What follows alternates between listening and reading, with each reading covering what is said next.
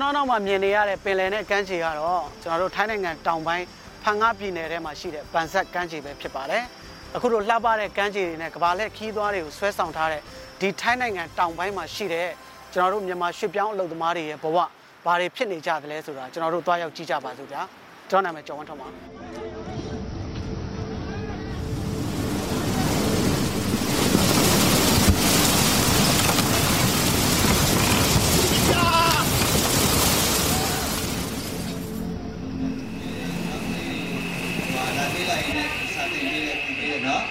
စစ်စစ်ဝါဖြစ်ပါတယ်ကျမကတော့အဲ့ကရပြင်းနဲ့လိုက်ကောပဲပေါ့နော်။အစားအဲ့ဒီမှာပဲတရောတွေတင်တယ်။အဲ့ကလေးအဲ့ရကလေးတွေကိုပဲတရောတင်ပေးတယ်ဖျားချောင်းကလေးတွေကိုတင်ပေးတယ်။ဆိုတော့အဲ့ဒီဒီဘက်မှာကအဲ့ဒီအတိအကိုတယောက်အနေနဲ့ရောက်လာတာပေါ့နော်။အဲ့ဒီမှာဒီဘက်မှာလည်းရွှေ့ပြောင်းသမားအလုပ်သမားတွေရဲ့ကလေးတွေလည်းရှိရဲဆိုတော့သူတို့တွေကိုအဲသူတို့တွေလည်းအမှုပညာနဲ့ပတ်သက်ပြီးတော့ တိမလားဆိုပြီးတော့ဗောနော်ပြီးတော့ sharing နဲ့လုပ်ချင်တဲ့အတွက်ကြောင့်ဒီဘက်ကိုရောက်လာဖြစ်တာပါဟုတ်ကဲ့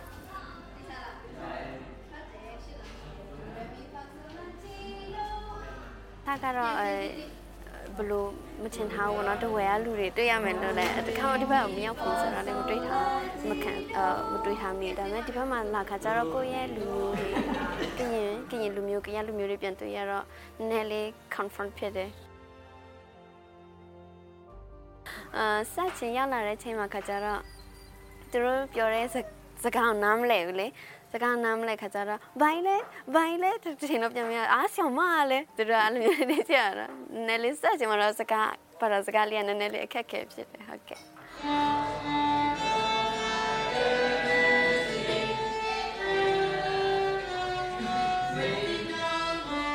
အတန်းလိုက်အတန်းလိုက်အတူနဲ့တူရှိတော့အဲ့ဆိုတော့သူတို့ သူတို့ရဲ့ level အလိုက်ပဲအကယ်၍ဒါမဲ့သူတို့ဒီဘက်မှာကကြတော့အနုပညာနဲ့ပတ်သက်ပြီးတော့အလုံးက basic ပဲဆိုတော့လေဆိုတော့အလုံးကအောက်ကနေပဲစမှာဆိုတော့အလုံးကတော့အတူတူပါပဲဟုတ်ကဲ့ဘယ်လိုပြောမလဲဟိုဘက်မှာကြတော့စပိုင်းကတော့လုံခြုံမှုရှိရပါတော့အဲတင်လို့အဆင်ပြေတယ်ဒါပေမဲ့အခုနောက်ပိုင်းကတင်ဖို့ကခက်ခဲတွေဖြစ်သွားတယ်ဆိုတော့ဒီဖက်ဒီဖက်ကိုလာပြီးတော့သူတို့ကိုလက်တင်ပေးရဲဆိုတော့ဒီဖက်မှာ free ဖြစ်တယ်လေအဲဆိုတော့ စိတ်ပိုင်းဆိုင်ရာလွတ်လပ်တယ်ဟုတ်ကဲ့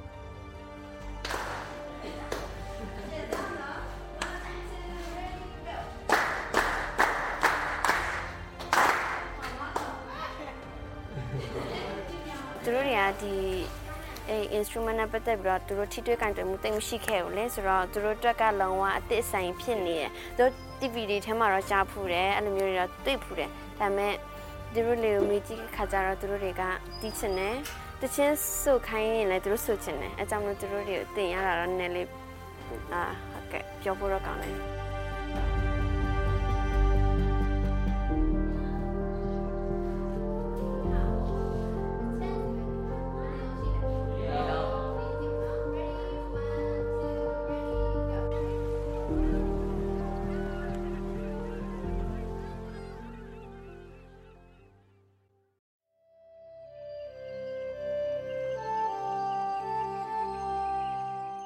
ကျွန်တော်နောက်မှာမြင်နေရတာကတော့ကျွန်တော်တို့ပါကလန်ကမ်းခြေလို့ခေါ်ပါတယ်ခင်ဗျာဒီကမ်းခြေကကျွန်တော်တို့ထိုင်းနိုင်ငံတောင်ပိုင်းဖန်ငါခရိုင်တကွန်ပါမြို့နယ်ထဲမှာတည်ရှိတဲ့ကမ်းခြေဖြစ်ပါတယ်ဒီကမ်းခြေမှာကျွန်တော်တို့ရှစ်ပြောင်းမြန်မာအလုပ်သမားတွေအတွက်ဆူနာမီနဲ့ပတ်သက်ပြီးတော့အမှတ်ရစရာတွေအများကြီးရှိတဲ့ကမ်းခြေဖြစ်ပါတယ်ကျွန်တော်ဒီမှာလည်းကျွန်တော်တို့ရှစ်ပြောင်းမြန်မာအမျိုးတွေရောက်ရှိနေကြပြီဖြစ်တဲ့အတွက်ကျွန်တော်တို့သူတို့နဲ့စကားနည်းနည်းတော့ပြောကြည့်ကြရအောင်နော်အားလုံးပဲမင်္ဂလာပါခင်ဗျာကျွန်တော်တို့ရဲ့အခုလို ဒီစကားဝိုင်းလေးကိုပူပေါင်းပါဝင်ပေးကြတဲ့အတွက်အားလုံးကိုကျေးဇူးအထူးတင်ရှိပါတယ်အဲ့တော့ကျွန်တော်တို့အခုရောက်ရှိနေတာကကျွန်တော်တို့ထိုင်းနိုင်ငံတောင်ပိုင်းဖန်ငါခရိုင်နဲ့ကတကွန်ပါမြို့နယ်ထဲမှာပေါ့နော်အဲ့တော့ဒီတိုင်တောင်ပိုင်းဖန်ငါခရိုင်တကွန်ပါမြို့နယ်လို့ပြောလိုက်ရင်ကျွန်တော်တို့ဟိုဘာတွေကထူးထူးခြားခြားရှိမလဲပေါ့အဲ့ဒါလေးကိုကျွန်တော်တို့ဟိုနည်းနည်းလောက်ဆွေးနွေးပေးပါအဲဆရာဥထုချက်ကနေဒီချက် ဟုတ်ကဲ့ဗျဟိုအဓိကတော့ကျွန်တော်တို့ဒီဖန်ငါခရိုင်ကျွန်တော်တို့ဒီတကော်ပါမြို့နယ်လို့ပြောမှဆိုကျွန်တော်ဒီခေါင်လက်ပေါ့ခေါင်လက်ပင်လယ်ကမ်းခြေ beach ကိုတော့ကျွန်တော်တို့အဓိကပြောရမှာပေါ့ဆိုတော့အခုကအရင်တော့ကတော့ဒီခေါင်လက်ဒီပင်လယ်ကမ်းစပ်ကကျွန်တော်တို့အင်မတန်မှလှပပြီးတော့ခီးတဲ့တွေအင်မတန်များတယ်ဒီမှာတော့ဒီဆိုနာမီဖြစ်ပြီးတဲ့အချိန်မှာတော့ကျွန်တော်တို့ဒီဗမာတွေရဲ့အခက်အခဲပြဿနာတွေကိုကျွန်တော်တို့နိုင်ငံတကာကပူတိသွားတယ်လို့တောင်ကျွန်တော်တို့ပြောလို့ရတယ်ဘာဖြစ်လို့လဲဆိုတော့ဒီဆိုနာမီကဟို 26ဒီဇင်ဘာပေါ့နော်2004မှာဖြစ်တယ်ကျွန်တော်31ရက်နေ့လို့ကျွန်တော်တို့ဒီဇန်နဝါရီ2005ဟောဆိုလူ2500 3000လောက်ကိုကျွန်တော်ဖမ်းပြီးတော့ဟိုရန်တောင်းဘက်ဟိုဟိုကော့တောင်းကိုပြန်ပို့တာရှိတယ်ဒါသူတို့ကကျွန်တော်ရွှေပြောင်းလို့သမားတွေကသူတို့ရဲ့ဟိုမိသားစုတွေဆုံးရှုံးနေသူတို့ကိုယ်တိုင်ဆူနာမီဒုက္ခတွေဖြစ်ရတာနဲ့ကျွန်တော်တို့ဥပဒေရအကောက်ဝယ်မခံရဘဲနဲ့ဟိုမြန်မာနိုင်ငံဘက်ကိုပြန်ပို့ခံရတာမျိုးတွေကျွန်တော်ကြုံခဲ့ရတယ်အဲတခြားရောဖြစ်ပြောစရာပါများရှိအောင်မသိဘူး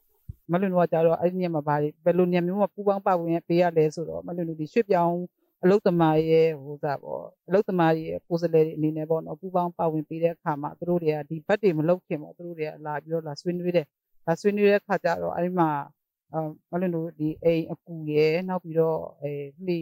အခုလှေလောက်သားတွေပေါ့နော်ရေလုံငန်းနဲ့ပတ်သက်တာတွေအဲ့ဒါတွေကကျတော့ကျမကြီးပဲရောင်းပေးတယ်ကြံတဲ့ဒီအလုတ်တွေကကျတော့တထေးအလုတ်သမား နှစ်ယောက်နဲ့ကြော်သွားတယ်ဆိုလို့ရှိရင်သူတို့တွေကစေယုံဘက်ကို3လပဲရောင်းပေးမယ်နောက်ပြီးတော့စေယုံဘက်3လရောင်းပေးပြီးလို့ရှိလို့ရှိလို့ရှိရင်ပေါ့နော်စေယုံဘက်3လမပြည့်ခင်ချိန်တော်တွင်းမှာလိုရမလဲဆိုလို့ရှိလို့ရှိရင်ဒီလူမှုပလုံကြီးကတ်ကိုဝယ်ရမယ်ဝယ်ရမယ်ဆိုတာအမျိုးသူတို့လုပ်ပြီးရဆိုတာ ਨੇ သူကတမ်းပြီးလောက်ရမှာတမ်းပြီးလောက်ရမယ်ဆိုတော့လိုရမယ်ဒီဟိုစားပါဒီဘက်ကုံနေဆိုတာ ਨੇ လူမှုပလုံကြီးဘက်ကကသုံးလို့ရပြီဒါကိုတထေးလည်းမသိတယ်လို့အလုပ်သမားလည်းမသိဘူးမသိတဲ့ခါကျတော့အဲအဲ့လိုမျိုးပေါ့ စေယုံကိုသူတို့တွေကကျမကြီးမကောင်းတဲ့ခါကျတော့လာတယ်လာတဲ့ခါသူတို့မှစေယုံပဲရှိတယ်ရှိတဲ့ခါကျတော့တက်တန်းကုန်သွားတယ်နောက်ပြီးတော့အဲလူမှုဖူလုံကြီးကလည်းမဆက်ထားကြဘူးပေါ့နော်အဲ့ဒီမှာအများကြီးပြဿနာတွေအဲ့ဒီပြဿနာတွေအများကြီးတွေ့ရတယ်ကျေးဇူးတင်ပါတယ်ခင်ဗျအခုအာဆောစောကဥထုချစ်ရောမလွင်ရောပြောသွားတဲ့အထက်မှာကျွန်တော်တို့ဒီမြန်မာရွှေပြောင်းအလုပ်သမားတွေလို့ပြောကြတယ်ပေါ့နော်အဲ့တော့အဲ့ဒီထဲမှာကျွန်တော်တို့ဒီလက်ရှိဒီတောင်ပိုင်းမှာကျွန်တော်မြန်မာရွှေပြောင်းအလုပ်သမားတွေအပြင် ဟိုဘယ်သူလေးဘယ်လိုလူမျိုးတွေနေထိုင်ကြတယ်လဲဘာအလုပ်ကန်တွေလုပ်ကြတယ်လဲဆိုတာလေးပေါ့နည်းနည်းလေးရှင်းပြပေးလို့ရမှာခင်ဗျဘောနော်လက်ရှိကျမရနောက်မှဒီကင်းမွန်ခွာတယ်ကီလိုစားတခါကျရင်ဘယ်လိုဖြစ်လဲဆိုတော့ဒီအခက်ခဲရပါတော့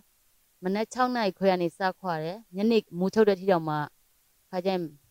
ပုံမှန်ဆိုဘောနော်သူတို့355ချက်ပေးမယ်လို့ပြောတယ်ဒါပေမဲ့တခါကျရင်တချို့ကျတော့ခွာတဲ့ချိန်မှာတထေးဖြတ်တာရလည်းရှိရဲစေးမရဲ့ကီလိုဖြတ်တာရလည်းရှိရဲတ ခါကျရင်တချို့ဆိုတဏီကုံခွာတော့မှထမင်းတော့မစားဘူး100ကျော်ပဲရကြတယ်ပြီးရင်နောက်တစ်ခုကရနောင်းမှာလက်ရှိဖြစ်နေတဲ့ပြဿနာရပါလဲဆိုတော့အလှေသားတွေလှေဒီမှာထိကြိုက်တန်ရရတယ်တထေးရလည်းနင်းနာကြီးမပေးဘူးပြီးရင်တချို့ကျအခုနမလွင့်ပြောသလိုပဲစေးရုံဘတ်တွေတထေးရစေးရုံဘတ်တွေတက်တန်မတိုးတာပေးဘူးအဲ့လိုမျိုးတကယ်ကဲကိုအက်ဆီဒန့်ဖြစ်တဲ့ချိန်သွားတဲ့အချိန်ကျမှသိရတယ်သူ့မှာစေးရုံဘတ်ကတက်တန်ကုန်နေပြီရှင်းရမဆိုတထေးရလည်း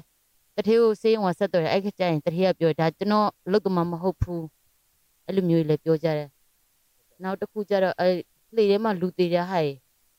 တထေးရရော်ကြီးပေးတယ်ရော်ကြီးပေးဆိုမှ၄တောင်းအများဆုံးပေး၅တောင်းပြီးရင်တထေးရပြန်ချင်းချောက်တယ်အခုနောက်ထပ်တစ်ခုကလေးကျတော့အခုပေါ့နော်ဗမာပြည်မှာဖြစ်နေတဲ့အချိန်နေနဲ့ဖြစ်ပြီးတော့မင်းကလေးတော်တော်များများဒီဘက်ပိုင်းမှာရောင်စားခန့်ထိတယ်အခုလက်ရှိသိရတဲ့လောက်တော့ပေါ့နော်အဲ ဂျနောင်းမဆိုခေါ်ရနေရရှိဆွဲဆန်းလို့ပြောတယ်ဆွဲဆန်းအဲ့မှာမင်းကလေး၈ယောက်ရန်ကုန်ကနေခေါ်လာပြီးတော့ရောင်စားထားတယ်တယောက်ကတော့လက်ရှိကျမအိမ်မှာနေနေရကျမတငယ်ချင်းကနေပြီးယူလာတယ်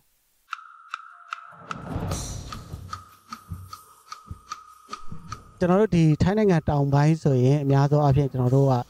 ပင်လယ်တွေနဲ့ကဘာလက်ခီးသွားတွေနဲ့အများစုတွေ့ကြတယ်လို့ကျွန်တော်တို့သိကြတယ်ပေါ့နော်အဲ့တော့အဲ့ဒီကဘာလက်ခီးသွားတွေ နဲ့ပတ်သက်ပြီးတော့ဒီကဘာခီးသွားလုပ်ငန်းနဲ့ပတ်သက်ပြီးတော့ကျွန်တော်တို့မြန်မာတွေအပါဝင်ဘယ်လိုဒီထဲမှာပါဝင်ပတ်သက်မှုရှိတယ်လဲဘယ်လိုအမြင်ရှိလဲဆိုတော့အခုမြင်လေးတစ်ချက်လောက်ပြောပြပေးပါကျွန်တော်အမြင်ကတော့လက်ရှိကဘာလဲခီးသွားမှာဘန်ဂလိုတွေမှာလောက်တာတဲ့ပမာတွေရှိတာပေါ့နော်။ဒါပေမဲ့ဒီ body body တက်တွေမှာဒီလုပ်ငန်းတွေမှာလောက်တာလည်းရှိတယ်။လက်ရှိပမာတွေခက်ခဲကြုံတွေ့နေရတာရတဲ့လစာနဲ့အခုကျွန်တော်တို့ကုန်ကြငွေနဲ့မကာမီဘူးဖြစ်နေတယ်။အခုရတဲ့လစာတစ်နေ့300တစ်လမှာ9000မရမှာခင်ဗျ။ အခုဗီဇာလူတစ်တွေလာတာခင်ဗျ။ဗီဇာလောက်တယ်ဆိုတော့1000ကျော်ပေးရတယ်။ဒါသူတို့မှာစားသေးတွေသမင်းစားသေးတွေလမ်းသေးတွေရှိသေးတယ်။အခုလက်ရှိကျွန်တော်တို့နေတဲ့လူဟောင်းတွေတောင်မှပဲဒီပုံပေးလက်ငင်းပုံပေးရတဲ့ခါကျတော့အခက်အခဲတွေအများကြီးဖြစ်တယ်။အဲ့ဒီအတွက်လောက်အားလာတာနဲ့ရှင်မိအောင်နည်းနည်း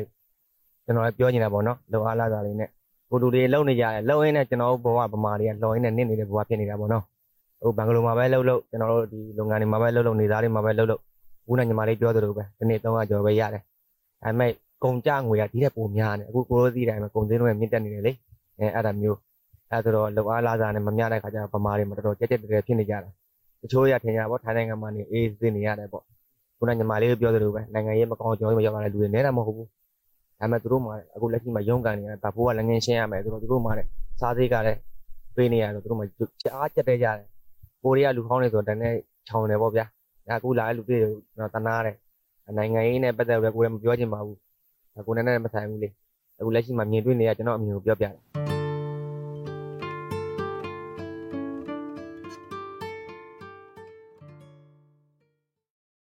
ကျွန်တော်ဒီတောင်ပိုင်းဒီဖန်ကားပြည်နယ်ထဲမှာမြန်မာပြည်ရဲ့ဘယ်လိုလူမျိုးစုတွေအများစုနေထိုင်ကြတယ်ဆိုတော့ဖြစ်ပြောချင်တာလေးရှိသေးလားခင်ဗျဒါရှိဥပ္ပလေးပြောမယ်ဆိုလို့ရှိရင်တော့ ဒီရွှေပြောင်းအလုပ်သမားတွေနဲ့ပတ်သက်လို့ရှိရင်ဘယ်ဆိုးရပဲဖြစ်ဖြစ်အာမျိုးလက်လူရှုထားတာမျိုးတွေကျွန်တော်တို့ကြုံရတယ်ဒီအလုပ်သမားတွေကိုကူညီမယ်ဆိုပြီးတော့ရောက်လာတဲ့ဟိုအလုပ်သမားတာယာရှိအဆက်ဆက်ကလည်းအလုပ်သမားတွေကိုကာကွယ်ဖို့ထက်သူတို့ရဲ့ဒီအကျိုးစီးပွားအတွက်ပဲသူတို့ဆောင်ရွက်နေတာတွေ့ရတယ်ဟိုပြီးခဲ့တဲ့ဟိုနှစ်နှစ်သုံးနှစ်လောက်နှစ်နှစ်လောက်ကကျွန်တော်ကိုဗစ်ဖြစ်တဲ့အချိန်မှာလေဒီမှာအစောကပြောတဲ့ဒီခီးသွားလုပ်ငန်းပေါ့ဟိုတယ်ခီးသွားလုပ်ငန်းတွေမှာလုပ်တဲ့ကျွန်တော်ရှစ်ပေါင်းလုပ်သမားတွေအများကြီးဒီအလုပ်ပြုတ်ခံရတာရှိတယ် အချိန်တွေရော့ခံအချိန်တွေရော့ပြီးတော့အလုပ်လုပ်ရတာရှိတယ်အဲ့တော့အခုရဲ့နောက်ဆုံးချိန်တွေကတော့ဒီအတိုင်းပဲမြန်မာပြည်ထဲမှာကျွန်တော်အလုပ်ကန်ရှားပါလာရယ်ကျွန်တော်နိုင်ငံရေးရကျွန်တော်တို့ဒီမတည်ငြိမ်မှုဖြစ်တာရယ်နောက်နိုင်ငံသားတွေကိုလည်းကောက်ကောက်ကိုမလုံခြုံဘူးလို့ထင်တဲ့အချိန်တွေမှာကျွန်တော်တို့ရတဲ့နီးနဲ့နီးနီးလန်းပေါင်းစုံနဲ့ထိုင်းနိုင်ငံတွေကိုဝင်လာကြတယ်အဓိကတော့ဒီဘက်ကိုဝင်လာတာအရင်ကဆိုလို့ရှိရင်တော့တရန်တိုင်းတိုင်းတဝယ်တို့ကျွန်တော်တို့မွန်ပြည်နယ်တို့နဲ့တချို့ကရင်နည်းနည်းထိစက်တာရှိတယ်အခုက မြန်မာတနိုင်ငံလုံးကလူတွေကဒီထိုင်းတောင်ပိုင်းမှာကိုဒါလုပ်နေကြတယ်ဘာဖြစ်လို့လဲဆိုတော့ထိုင်းတောင်ပိုင်းမှာတခြားနေရာတွေဆာလို့ရှိရင်ဒီလိုတွေအလုပ်ကိုင်ဟိုရှာဖွေလို့လည်းနည်းနည်းလွယ်လို့ဒီလိုလည်းတတ်မှတ်လို့ပါအဓိကတော့ကျွန်တော်စိုးရိမ်တာကခေတ်ဆက်ဆက်ကဟိုကအလုပ်သမားကာကွယ်ရေးကိစ္စတွေကိုစနစ်တကျမလုပ်ခဲ့ဘူးအခုဆိုကျွန်တော်တို့ကတရားမဝင်အလုပ်သမားတွေလည်းများတယ်အခုကတည့်ရတဲ့အတိုင်းပဲဒီအစိုးရတွေအနေနဲ့ကလည်းဟိုဒီအခုအရင်တော့ကလည်းမလုပ်ခဲ့ဘူးအခုလည်းစနစ်တကျမလုပ်ခဲ့တော့ကျွန်တော်တို့အနေနဲ့စိုးရိမ်တယ်အခုဆိုလူကုန်ကူးမှုခံရမှုတွေ အလုပ်သမားအခွင့်အရေးချိုးဖောက်ခံရမှုတွေရတဲ့ရထိုက်တဲ့ကျွန်တော်တို့အခြေခံလောက်အားကားနဲ့ရော်ကြီးကိစ္စတွေတော့ကျမကြီးစေကူတာမှုခံရမှုကိစ္စတွေကပြဿနာဖြစ်လာတယ်။ဒါကြောင့်မလို့အစိုးရတွေရောကျွန်တော်အဖွဲ့အစည်းတွေအနေနဲ့ဟိုစနစ်ကျတဲ့ရွှေ့ပြောင်းလုပ်သမားကာကွယ်ရေးလုပ်ငန်းတွေကိုဟိုလုပ်ဖို့တော့လိုပြီလို့ကျွန်တော်အနေနဲ့ပြောချင်တယ်ဟုတ်ကဲ့ကျေးဇူးအများကြီးတင်ပါတယ်ခင်ဗျဆောစောကဟိုအကိုတို့မတို့ပြောသွားတဲ့ထဲမှာလည်းပါတယ်ပေါ့လေနော် ကျွန်တော်တို့ရွှေ့ပြောင်းလုပ်သမားတွေရင်ဆိုင်ရတဲ့အခါမှာဒုက္ခတွေအများကြီးရှိတယ်ရင်ဆိုင်ရတဲ့ထဲမှာအမျိုးသမီးတွေနဲ့အမျိုးသားတွေနဲ့အဲကျွန်တော်တို့ရှင်တဲ့အခါမှာအမျိုးသမီးတွေကဘယ်လိုပို့ပြီးတော့ဘယ်လိုဒုက္ခတွေနဲ့ပိုရင်ဆိုင်ရတယ်လဲဆိုတာလေးကိုတစ်ချက်လောက်အဲဆွေးနွေးပေးလို့ရမှာခင်ဗျပြီးခဲ့တဲ့လတော့ကပေါ့ပြစ်ဆုံခဲ့တဲ့မျိုးသမီးလေးရဲ့ဟိုကဏ္ဍလေးကိုနည်းနည်းပြပြချင်တယ်သူ့မျိုးသားအစီအစဉ်ဖြစ်တယ်အစီအစဉ်ဖြစ်တဲ့အခါကျတော့ဘယ်လိုရမလဲအာနှစ်ယောက်အလုပ်လုပ်တဲ့နေရာမှာတစ်ယောက်ပဲလုပ်လို့ရတယ် တစ်ယောက်ပဲလုပ်လို့ရတယ်ဆိုတော့အနှစ်အစီအစဉ်ဖြစ်တယ်နှစ်ယောက်လုံးအလုပ်မလုပ်ရဘူးဘာဖြစ်လို့လဲဆိုလို့ရှိရင်သူ့ယောက်ျားကိုသူပြုစုရတယ်သူ့ယောက်ျားကိုသူပြုစုရတယ်နောက်ပြီးတော့အာသူ့မှာသမီးလေးတစ်ယောက်ရှိတယ်သူ့မှာယောက်ျားကိုလည်းပြုစုရတယ်ခလေးကိုလည်းကြည့်ရတယ်နောက်ပြီးလို့ရှိလို့ရှိရင်သူ့ရဲ့ဒီဟိုဆိုကုန်ကြစရိတ်ပေါ့ကုန်ကြစရိတ်တွေကိုလည်းဟိုရမအရန်တာဝန်ယူရတယ်အရန်တာဝန်ကြီးတယ်နောက်ပြီးတော့အဲ့ဒီဟိုရမအခါလေကြာလို့ရှိရင်တထေးတွေကနေပြီးတော့ဒီလိုမျိုးပေါ့သူတို့တွေရဲ့အလုပ်ထမဖြစ်တဲ့ကိစ္စကိုသူတို့ကတာဝန်မယူတဲ့အခါကျတော့ အာဒီဦးမလွင်တို့ဆေးရုံမှာဆိုလို့ရှိရင်ဆေးရုံကဝန်ထမ်းတွေရဲ့ပြောဆိုချိန်မောင်းခြင်းကိုခံရတာပေါ့နော်အဲ့ဒီချိန်ဆိုအရန်တနာစရာကောင်းတယ်သူရဲ့ဘဝလေးကလေအရန်ကိုတနာဘယ်လိုအရန်ကိုတနာစရာကောင်းတယ်ဘယ်လိုမလုံးဝဟိုမမမရက်တည်နိုင်တဲ့မျိုးသားကလည်းအလုတ်ထဲကနေပြီးတော့ဥစားဖြစ်ပြီးတော့ဥစားဖြစ်တော့သူ့မှာအရန်ကိုသူ့ရဲ့အခက်ခဲကိုမြင်တဲ့လူတိုင်းကလေမတနာတဲ့လူမရှိဘူးအဲ့လိုမျိုးပေါ့ခုနမလင့်ပြောသလိုပဲနော်ဒီယောက်ျားနဲ့မိန်းမနဲ့ အိမ်အောင်တစ်ခုမှပေါ့နော်လင်မြန်းနှစ်ယောက်အလုပ်လုပ်တဲ့အတိုင်းမငွေကြီးကလုံလောက်လောက်ဆိုမလုံလောက်ဘူးအခုကဈေးနှုန်းတွေတအားတက်နေရလေတချို့ဆိုရင်တရက်လင်ယောက်ျားတစ်ယောက်လောက်စားတယ်နဲ့မိသားစုအများကြီးစားနေကြတယ်အဲကြောင့်တောင်းဆိုချင်တဲ့တစ်ခုပေါ့နော်အလုပ်သမားတွေအတွက်ဒီလာစားလေးနည်းနည်းတိုးမြင့်ပေးဖို့ပေါ့အကိုအနေနဲ့ရောဘာဖြစ်ပြောချင်တာရှိသေးလဲခင်ဗျကျွန်တော်အနေအခု တော့ဒန်းတို့ညီတို့ခွင့်ရမရတော့မှဘူးပေါ့နော်သုံးပုံနှစ်ပုံလောက်ကျွန်တော်ဗမာပြည်သားတွေအတွက်နည်းနည်းစဉ်းစားပေးပါလို့ဒါလို့ကျွန်တော်တောင်းဆိုတာပေါ့နော်အဲအဲ့ဒါအဲ့ဒါလောက်တော့ပါပဲခင်ဗျဘာလို့အနေနဲ့ကလေပြောတောင်းဆိုချင်တာကလေအာအခုဘတ်တွေပေါ့နော်ဘတ်တွေလောက်တာတို့1 permit လောက်တာတို့အဲ1 permit လောက်တာတို့ passport တွေပြန်တော်တာတို့ပေါ့နော်အခုကလေအားလုံးလုံးလုပ်ပြီးသွားပြီ PCI တော်ပြီးသွားပြီဟာဟိုအခုစာအုပ်ကိုစပါလေအပြာရောင်ရပြီးသွားပြီ ပြီးလို့ရှိရင်ဘတ်ပိုင်းအောင်ပြန်လုပ်အောင်မယ်ကုန်ကြစရိတ်တွေပေါ့နော်ကုန်ကြစရိတ်တွေကဟိုကကုန်ကြစရိတ်တွေကဘလောက်ပေးလို့ပေးရမှန်းမသိဘူးဒါပေမဲ့ပွဲစားတွေကလည်းတစ်မျိုးနောက်ပြီးတော့ဟိုကဈေးနှုန်းကလည်းမြင့်တာတစ်မျိုးပေါ့နော်ဆိုတော့လေအဲ့ရွှေ့ပြောင်းမြန်မာအလုပ်သမားတွေကလေအာအလောက်ကတစ်ခါလေအလောက်ကလည်းတစ်လမှာဆိုလို့ရှိရင်ရက်20လောက်ရှိတယ်တစ်ခါလေကြာလို့ရှိလို့ရှိရင်လည်းအမျိုးသမီးကအလုပ်မရှိဘူးနောက်ကုန်စည်နှုန်းတွေကလည်းမြင့်တယ်ကုန်စည်နှုန်းတွေကလည်းမြင့်တယ်ဆိုတော့သူတို့မှလေ တအားကိုဝင်ငွေနဲ့ထွက်ငွေရလေဟိုလုံလောက်မှုကမရှိဘူးမရှိသလောက်ဖြစ်တယ်မရှိသလောက်ဖြစ်တဲ့ခါကျတော့အဲ့လိုမျိုးပေါ့ဘတ်တွေတစ်ခုနဲ့တစ်ခုအပြောင်းလဲလုပ်တဲ့နေရာမှာလဲသူတို့အတွက်အကျက်အတဲတွေအများကြီးဖြစ်တယ်ပေါ့နော်အဲ့အစိုးရဌာနတွေကလည်းပေါ့လေအဲ့လောက်ဈေးနှုန်းအမြင့်ကြီးမယူဘဲနဲ့ပေါ့နော်တထေးတွေကလည်းပွဲစားတွေကိုမခိုင်းစေချင်ဘူးသူတို့ကိုယ်တိုင်ပေါ့လောက်ကိုယ်တိုင်လောက်ဒါမှမဟုတ်လို့ရှိလို့ရှိရင်လည်းအာနာပိုင်တွေကလည်းတထေးတွေသူတို့နားမလဲဘူးဆိုလို့ရှိရင်လည်းအလုတ်ရှင်အလုတ်သမား တင်နန်းကိုတိတိကျကျပေးတာဘလို့ဘလို့ရှိတယ်ဘလို့ဘလို့ဖြစ်တယ်အနကြားထဲမှာလေပွဲစားဆိုတဲ့အတန်ယူမကြားကိုမကြားချင်တာမဟုတ်လို့ဖြစ်စေချင်တာပေါ့နော်ပွဲစားကိုလုံးဝကိုမရှိစေချင်တာဒါဆိုကျွန်တော်တို့နောက်ဆုံးအနေနဲ့ပေါ့နော်ဒီစကားဝိုင်းလေးမှာကျွန်တော်တို့ဖြစ်ပြောချင်တာလေးတစ်ခုစီလောက်ရှိမယ်လို့ထင်ပါတယ်အဲ့ဒါလေးတစ်ခုစီလောက်ပြောပြလို့အလဲမှာပွဲသားဆိုတာမရှိဘဲနဲ့အလုပ်သမားတစ်ထေးစိုးဝဝန်တန်းနဲ့ထိတ်တိုက်ရှင်းပြီးတော့ဒီဈေးနှုန်းကဘယ်လောက်လဲတိတိကျကျနဲ့သိရတာဒါအလုပ်သမားတွေအတွက်ပို့ပြီးတော့ ဝင်ရေးတစ်ခုဖြစ်မယ်လို့ကျွန်တော်ယုံကြည်ပါတယ်ခင်ဗျအာမလင်ကတော့အဲ့လိုမျိုးလုပ်ပြီးလို့ရမယ်ဆိုလို့ရှိရင်တော့အလုံးအတွက်အဆင်ပြေလောက်မယ်လို့ထင်တယ်ဒီကအမအနေနဲ့ရောထပ်ဖြစ်ချင်တာအခုကလေဘတ်တွေဈေးနှုန်းကပေါ့နော်အမျိုးမျိုးကြားနေရအဲကြောင့်ခုနကဒီအကိုတို့အမတို့ပြောသလိုပဲဗမာတွေအတွက်တအားဒုက္ခဖြစ်တယ်တချို့အခုပေါ့နော်တချို့ပွဲစားတွေဆို6000ပြောတဲ့ပွဲစားလည်းရှိရဲ8000ပြောတဲ့1000ပြောတဲ့တချို့ဆိုလည်း1400တောင်အဲ့လိုမျိုးအခုပြီးတော့အခါ CI ကနေတခါအနီတွေပြန်ပြောင်းအနီကနေတခါအစိမ့်ပြန်ပြောင်းတခါပန်းရောင်ကတ်တွေလုံး အဲ့ဒါနဲ့အလုပ်သမားတွေမှာတော်တော်လေးဒုက္ခဖြစ်ကြရပေါ့နော်ဦးအနေနဲ့လည်းနည်းနည်းလေးဖြစ်ပြောပေးပါဦးအဓိကပေါ့နော်အားလုံးလည်းဒီကြားတယ်ဒီမှာရှိတဲ့ကျွန်တော်တို့ဟောညီကူမော်ရမလာပြောပြတယ်အလုတ်သမားပြဿနာတွေကတော့အရင်တော့ကလည်းရှိခဲ့တယ်အခုလည်းရှိနေသေးတယ်နောင်လည်းရှိအောင်မယ်ဘာလို့လဲဆိုတော့ကျွန်တော်စိုးရိမ်တာတစ်ခုကအခုကခါတိုင်းနှစ်လွန်ခဲ့တဲ့နှစ်20 30နဲ့မကွဟိုကွာတာကအလုတ်သမားတွေကထောင်တောင်းရှိပြီးတော့နေ့တိုင်းဝင်နေတယ်နေ့တိုင်းဖန်ခံချိနေတယ်နောက်တစ်ခုကလည်း ကျွန်တော်တို့ဒီဈေးနှုန်းတွေရတယ်အဆမတန်ကျွန်တော်တို့20နှစ်20လောက်တည်းမှာအဆမတန်အခုဆိုလို့ရှိရင်ကျွန်တော်တို့အနည်းဆုံးကိုသွားကျင်တဲ့နေရာပေါ်မှာမူတည်ပြီးတော့ဘတ်ငွေ1000ခွဲကနေ3000လောက်ထိရအနည်းဆုံးပေးရတယ်။အချိန်လေးမှာပဲအစိုးရကနေပြီးတော့နှစ်နိုင်ငံနားလည်မှုစာချုပ်လာပေါ့ဗျာ။ MOU နဲ့လာတဲ့ဟာလဲအစိုးရသတ်မှတ်ထားတဲ့ဈေးနှုန်းနဲ့အဆပေါင်းများစွာတွေယူနေတာရှိတယ်။ပြီးတော့ဒီထဲမှာလည်းအစိုးရပြောတဲ့ဒီပွဲစားတွေပေါ့နော်။ကျွန်တော်တို့စိုးရိမ်တာက ကိုယ်မှလည်းမဖြစ်မနေလာရတယ်ဆိုတော့မရှိရှိတာပေါင်နှံရောင်းချပြီးတော့လာရတဲ့လူတွေဖြစ်တယ်။ပွဲစားတွေကဟိုဂတိမတီတာတို့လူလူပို့တဲ့လူတွေကအမျိုးမျိုးဟိုပုံစံဟိုစနစ်တကျမလုပ်ဖ ೇನೆ လူကုန်ကူးမှုကိစ္စအထနောက်နောက်နောက်တစ်ခုကအလုတ်ကန်ရှာပေးမယ်ဆိုတော့မရှာပေးတဲ့ကိစ္စပေါ့နော်ကျွန်တော်တို့ပူဆိုးနေတာဒီနောက်ပိုင်းကြောက်လို့ရှိရင်အဲ့ဒီပွဲစားတွေနဲ့ရှေ့ပြောင်းအလုပ်သမားတွေကြားထဲမှာကျွန်တော်တို့ကြီးမားတဲ့ကျွန်တော်တို့ပြဿနာတွေတက်လိမ့်မယ်ချိုးတွေကလည်းမခံနိုင်တော့လိန်နာတွေများတော့ဟိုအကြမ်းဖက်မှုတွေကိုထိလျောက်တွေဟို လုတ်တဲ့ဟာမျိုးတွေခုကကြားလာတယ်ဆိုတော့ကြောင့်မလို့အဓိကတော့အလုပ်သမားအရေးကိုဆောင်ရွက်ဖို့ဆိုတာတော့ဘယ်အစိုးရပဲဖြစ်ဖြစ်အဲ့အစိုးရတွေပေါ်မှာပူတောင်းနေရှိတယ်နောက်တစ်ခုအစိုးရချင်းကိုကျွန်တော်တို့က G2G ပေါ့အစိုးရချင်းကိုစင်းတကြဟိုဆွေးနွေးအကောင့်တွေပေါ်ပြီးတော့ကျွန်တော်တို့ဒီကျွန်တော်တန်ပေါင်းများစွာရှိနေတဲ့ကျွန်တော်တို့ဒီရွှေပြောင်းလုပ်သမားတွေကိုတော့ဟိုစနစ်တကျဟိုအကာအကွယ်ပေးတဲ့နယ်လို့ကျွန်တော်ပြောပြောချင်တယ် အဲ့တော့အခုလိုမျိုးကျွန်တော်တို့ဒီအစီအစဉ်လေးကိုပါဝင်ပူးပေါင်းပေးကြတဲ့အကိုတို့အမတို့အားလုံးကိုပဲကျွန်တော်ကျေးဇူးအထူးတင်ရှိပါတယ်ခင်ဗျာ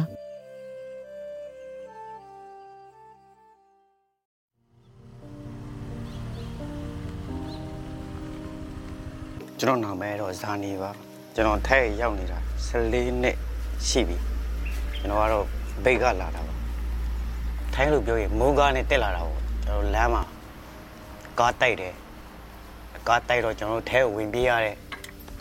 စစ်သားတွေလိုက်ပြီးတော့ထဲမှာနေရကြတယ်နေရရေကြီးပဲတောက်ရတာနေရကြတယ်ရေကြီးပဲတောက်ရတာပြီးမှပထမဦးစဆုံးတသေးဖြစ်တဲ့လူကျွန်တော်ဖုန်းခေါ်လာပြီးတော့ကျောင်းတငယ်ချင်းအကူကြီးနဲ့ဖုန်းခေါ်လာပြီးတော့ကျွန်တော်တို့ရှိတဲ့နေကိုပြောပြလိုက်တာပြန်လာခေါ်လာပေးတယ်ဟိုကနေရနောင်းကနေပြန်ခေါ်လာပေးတယ်ဒီကို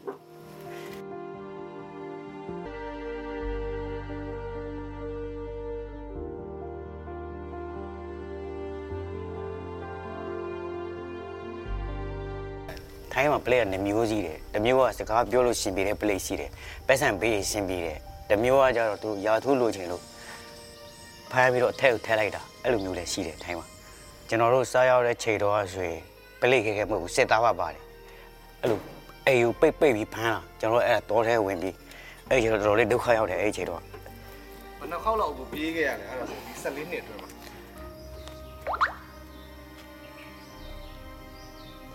နည်းနည်းကြော်ကြော်ပြေးခဲ့ရတယ်ပလိဆိုင်လေးဝင်တဲ့သူအဲ့ဒီမှာလာဆက်တယ်မရှိဘူးဆိုရင်ပြေးအဲ့လိုမျိုးနည်းနည်းလောက်ကျွန်တော်တို့ခံလိုက်ရတယ်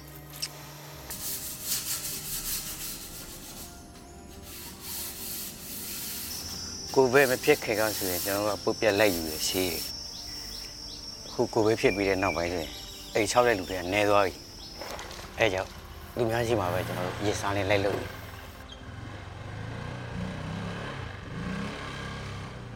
ကျွန်တော်တို့ဆိုင်တဲ့ပိတ်လိုက်ပြီးတော့ကျွန်တော်တို့အပြင်မှာလှုပ်ဖို့ဆိုရင်ကိုယ်ပဲဖြစ်နေတာဆိုတော့အဆင်မပြေဘူး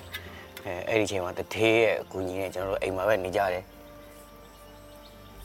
အလုံးမလုပ်ဘဲနဲ့နှစ်လသုံးလလောက်ရှိရကျွန်တော်တို့ဆိုင်ပိတ်လို့ရှိရင်ရှေးလိုက်တုတ်တယ်အဲ့ဒီရှေးတုတ်တဲ့ပညာကတော့အဖေစီရရတာကျွန်တော်ကဖေးမေးတွေတူလေးတူမလေးစားလို့ရအောင်ဆိုင်ဖွင့်ထားလို့ရှိရင်တလောက်နဲ့လိမ့်ကျတဲ့ပတ်စံစုတယ်ကျတဲ့ပတ်စံထားထားတယ်ဖေးမေးတွေရဲ့ကျမ်းမာရေးတွေရှိသေးတာပေါ့ ငလတစ်ကြိမ်တော့အနိုင်နိုင်ပို့နေရတယ်ဘာမှဦးသေးဆုံးကျွန်တော်လှုပ်တာတော့စပွဲတို့တနေ့နေ့လောက်လှုပ်ပြီးမှအဲ့ဒီအကျော်ဖက်ကိုရောက်သွားတာတထေးရဲ့ကျေးဇူးတွေအများကြီးပါတယ်တထေးပဲသင်ပေးတာအဲ့အဲ့ဒီအကျော်ပညာကိုတထေးကနေစပြီးသင်ပေးတာဟုတ်တယ်တထေးတထေးကောင်းတယ်အဲ့ဒီထေးကကျွန်တော်ရဲ့ဒုတိယဖေမေပဲဘဝပြဖေမေပြီးအဲ့ဒီထေးပဲထိုင်းမှာအဓိကတော့ယူသားမှုကို ကိုယ့်ဖက်ကနေရိုးသားဖို့လိုတယ်ထိုင်းမှာအလုပ်လုပ်မယ်ဆိုရင်ဘလူးစီမှာပဲလုပ်လို့ကိုယ့်ဖက်ကနေရိုးသားတဲ့လူရှိရဲ့ဘယ်တစ်ထင်းမဆိုကိုယ့်ကိုပြန်ပြီးတော့ကြည့်မှာပဲ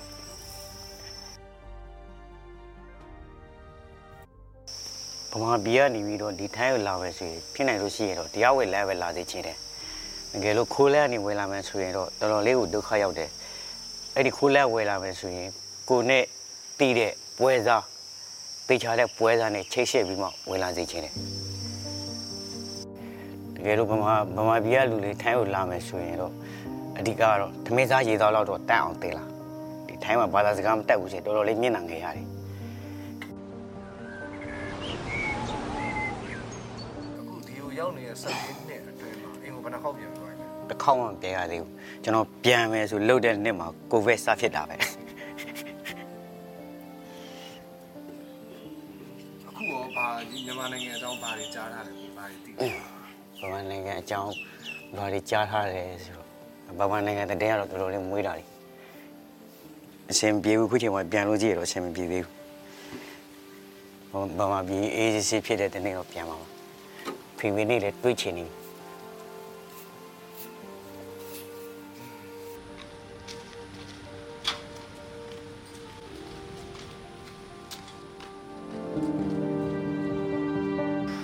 နိုင်ငံတောင်ပိုင်းကကမ်းခြေမြို့လေးမှာရှိတဲ့ရွှေပြောင်းမြန်မာအလုပ်သမားတွေရဲ့ဘဝကိုတင်ဆက်ပေးသွားခဲ့တာပဲဖြစ်ပါတယ်။နောက်ပတ်တွေမှာလည်းကမ္ဘာတစ်လွှားမှာရှိတဲ့မြန်မာနိုင်ငံသားတွေရဲ့ဘဝကိုဆက်လက်တင်ဆက်ပေးသွားအောင်မှာဖြစ်ပါတယ်ခင်ဗျာ။စောင့်မျှော်ကြည့်ရှုပေးကြတဲ့အတွက်ကျေးဇူးအထူးတင်ရှိပါတယ်။ကျွန်တော်ကတော့ကျော်ဝင်းထွန်းပါ